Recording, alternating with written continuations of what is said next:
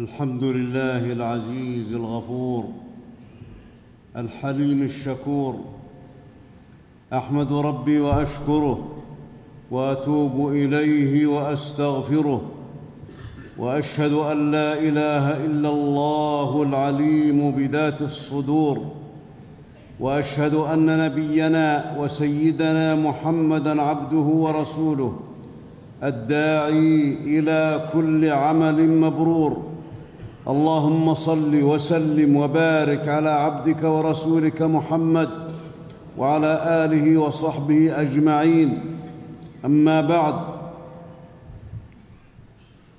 فاتقوا الله حق التقوى وتمسكوا من الإسلام بالعروة الوثقى فمن اتقى الله وقاه ومن توكل عليه كفاه.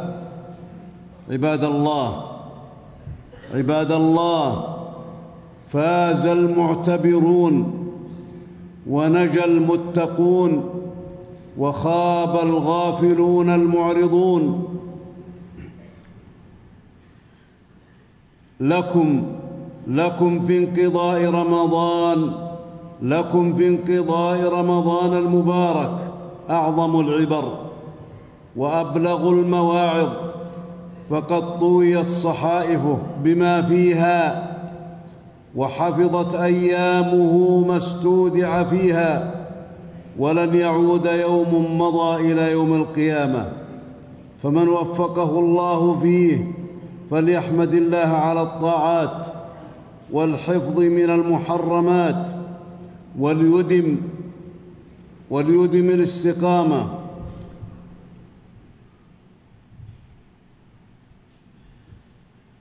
يداوم على الاستقامة فإن الاستقامة أعظم كرامة.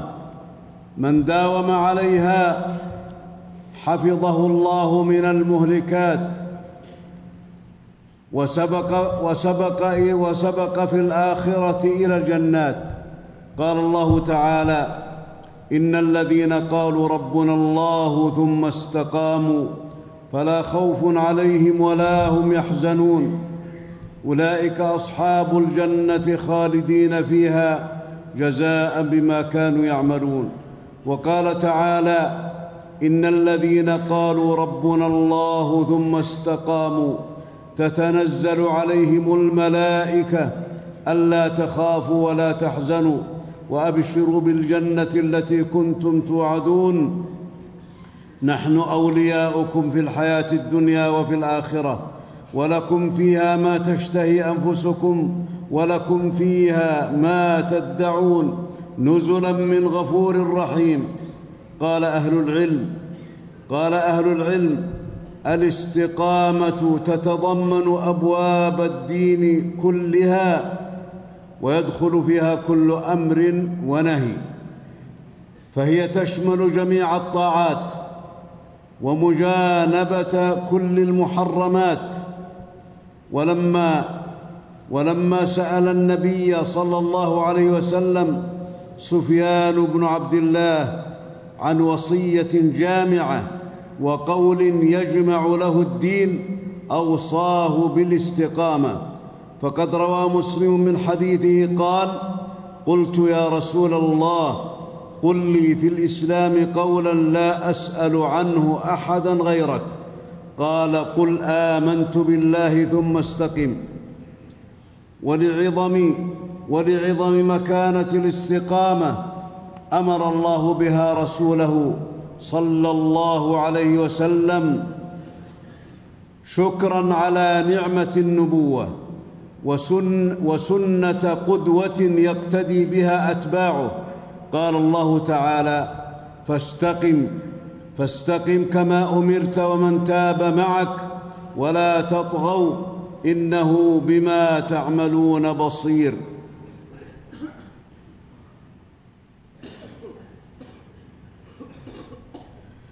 وأفضل أحوال العبد الاستقامة حيث وأفضل أحوال العبد الاستقامة حيث يتبع الحسنات الحسنات ويكف عن السيئات وهذه درجة السابقين إلى الخيرات. قال الله تعالى والسابقون والسابقون السابقون أولئك المقربون في جنات النعيم ثلة من الأولين وقليل من الآخرين. وقال تعالى والذين اهتدوا زادهم هدى وآتاهم تقواهم. وقال تعالى والذين يؤتون ما آتوا وقلوبهم وجلة أنهم إلى ربهم راجعون. أولئك يسارعون في الخيرات وهم لها سابقون. وفسر هذه الآية رسول الله صلى الله عليه وسلم لعائشة رضي الله عنها بأن هؤلاء الذين يعملون الحسنات ويخافون ألا تقبل منهم. واوسط وأوسط أحوال العبد أن يتبع السيئة الحسنة بالتوبة وبما يكفر الذنوب من العمل الصالح. قال الله تعالى وأقم الصلاة وأقم الصلاة طرفي النهار وزلفا من الليل إن الحسنات يذهبن السيئات. ذلك ذكرى للذاكرين. وفي حديث معاذ رضي الله عنه قال قال رسول الله صلى الله عليه وسلم اتق الله حيثما كنت وأتبع السيئة الحسنة تمحها وخالق الناس بخلق حسن. وأس وأسوأ أحوال العبد الانقطاع عن الأعمال الصالحات ومقارفة المحرمات. قال الله تعالى إن الذين ارتدوا على أدبارهم من بعد ما تبين لهم الهدى من بعد ما تبين لهم الهدى الشيطان سول لهم وأملى لهم. وقد أمر الله بالمحافظة على العمل الصالح. قال الله تعالى حافظوا على الصلوات والصلاة الوسطى وقوموا لله قانتين وقال تعالى واعبد ربك حتى يأتيك اليقين قال المفسرون دم على عبادة الله حتى يأتيك الموت. ونهى ربنا تبارك وتعالى عن إبطال الأعمال الصالحة بما يفسدها أو ينقص ثوابها. قال الله تعالى يا أيها الذين آمنوا أطيعوا الله وأطيعوا الرسول ولا تبطلوا أعمالكم. قال أبو العالية كان أصحاب رسول الله صلى الله عليه وسلم لا يرون أن يبطل العمل ذنب. فلما نزلت هذه الآية خافوا أن يبطن تبطل الذنوب الاعمال وقد كان عدونا إبليس كان عدو قد كان عدونا إبليس في شهر رمضان مع مرده الشياطين مأسورين. ولم يتمكنوا فيه أن يصلوا إلى ما يريدون ويريدون بعد رمضان أن ينالوا ما يحبون من الغواية في الأمة. فردوهم مدحورين خاسئين بالتوكل على الله وتوحيده والدوام على عبادته. ومن فاته ومن فاته في رمضان من الأعمال وقارف شيئا من المحرم والغواية والضلال فقد فتح الله باب التوبة لعباده في رمضان وفي غير رمضان. قال الله تعالى وإني لغفار لمن تاب وآمن وعمل صالحا ثم اهتدى. ولا ولا تفتروا ولا تفتروا عن الاستكثار من الخير ولا يحقرن أحد الذنب مهما صغر فإنه محفوظ. وله طالب يعاقب به. قيل لبشر الحافي إن قوما يجتهدون في رمضان فإذا ذهب تركوا. قال بئس القوم لا يعرفون الله إلا في رمضان. ولا تغتروا ولا تغتروا عباد الله بالأمل ولا تعولوا على فسحة الأجل. وكما وكما مضى رمضان وما قبله من الأيام ستمضي بعده الشهور والأعوام. فاسعوا للآخرة سعيها تدخل الجنة دار السلام. فالحياة الدنيا ليست بدار مقام بل هي وشيكة الزوال. فدوموا على التفكر في, هلاك الأجيال. دوموا على التفكر في هلاك الأجيال بعد الأجيال. قال الله تعالى يا أيها الناس إن وعد الله حق فلا تغرنكم الحياة الدنيا ولا يغرنكم بالله الغرور. إن الشيطان لكم عدو فاتخذوه عدوا.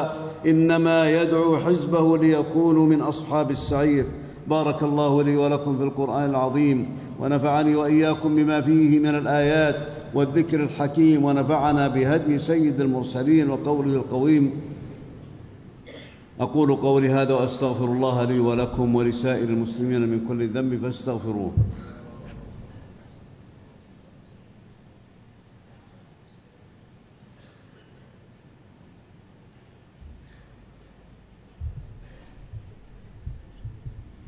الحمد لله الذي وفق من شاء لطاعته وخذل من شاء بعدله وحكمته. أحمد ربي على نعمه التي لا تحصى. وأشهد أن لا إله إلا الله وحده لا شريك له له الأسماء الحسنى. وأشهد أن نبينا وسيدنا محمدا عبده ورسوله المجتبى. اللهم صل وسلم وبارك على عبدك ورسولك محمد وعلى آله وصحبه أولو العلم والتقى. أما بعد فاتقوا الله تعالى وأطيعوه. اتقوا الله تعالى وأطيعوه. فما شقي بطاعة الله أحد. ولا سعد بمعصية الله أحد. واعلموا واعلموا أن العمر واعلموا أن العمر يوم بعد يوم حتى تصير إلى الأجل المعلوم والقضاء المحتوم الذي لا يتقدم ولا يتأخر. فالمحسن عند الموت يفرح المحسن عند الموت يفرح بلقاء الله بما قدم فيحب الله لقاءه ويثيبه على عمله أعظم الثواب. والمفرط يكره لقاء الله لما عمل من القبائح وضيع من الفرائض فيكره فيكره الله لقاءه ويعاقبه على أعماله. قال الله تعالى وجاءت سكرة الموت بالحق وجاءت سكرة الموت بالحق ذلك ما كنت منه تحيد. ونفخ في الصور ذلك يوم الوعيد. وجاءت كل نفس معها سائق وشهيد لقد كنت في غفلة من هذا فكشفنا عنك غطاءك فبصرك اليوم حديد. ومن رحمة الله بنا من رحمة الله بنا أن بين لنا ما ننال به رضاه.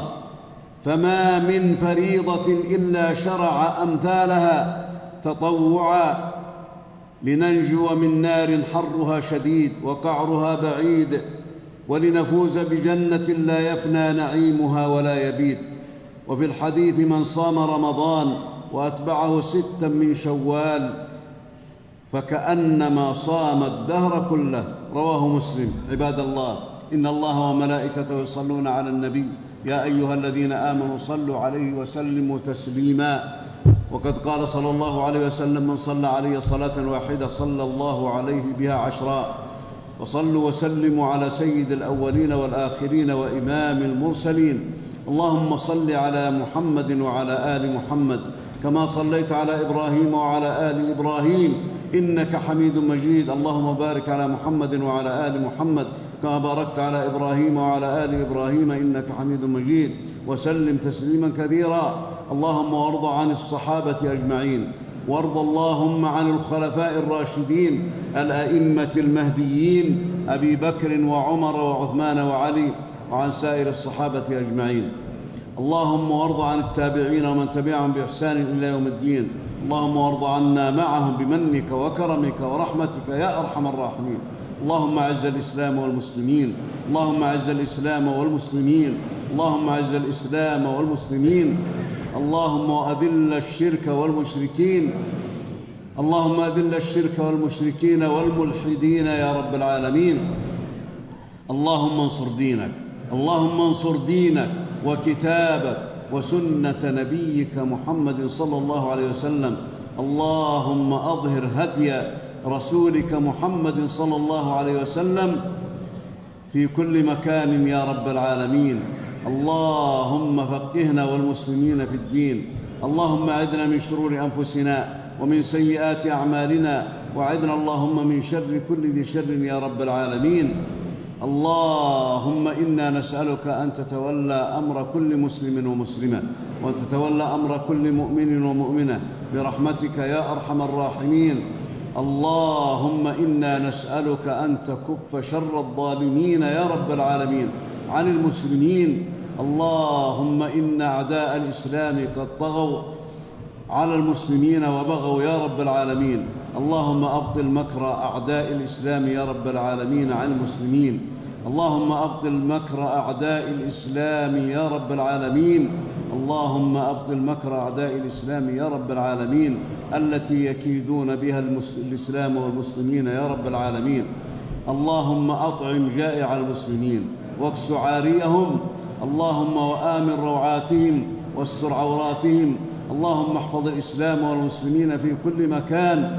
اللهم احفظ دماء المسلمين واحقن دماءهم. اللهم احفظ أموالهم. واحفظ دينهم عليهم يا رب العالمين. اللهم استر عوراتنا وآمن روعاتنا. اللهم إنا نعوذ بك من مضلات الفتن. اللهم اعد المسلمين من مضلات الفتن ومن الأفكار الضالة يا رب العالمين. اللهم احفظ بلادنا من كل شر ومكروه يا رب العالمين. اللهم فقهنا والمسلمين في الدين. اللهم اجعلنا من المتمسكين بهدي رسولك صلى الله عليه وسلم. اللهم اعذنا والمسلمين. اللهم اعذنا وعد ذرياتنا من إبليس وجنوده وشياطينه يا رب العالمين. اللهم أعد المسلمين وذرياتهم من إبليس وشياطينه وجنوده يا رب العالمين.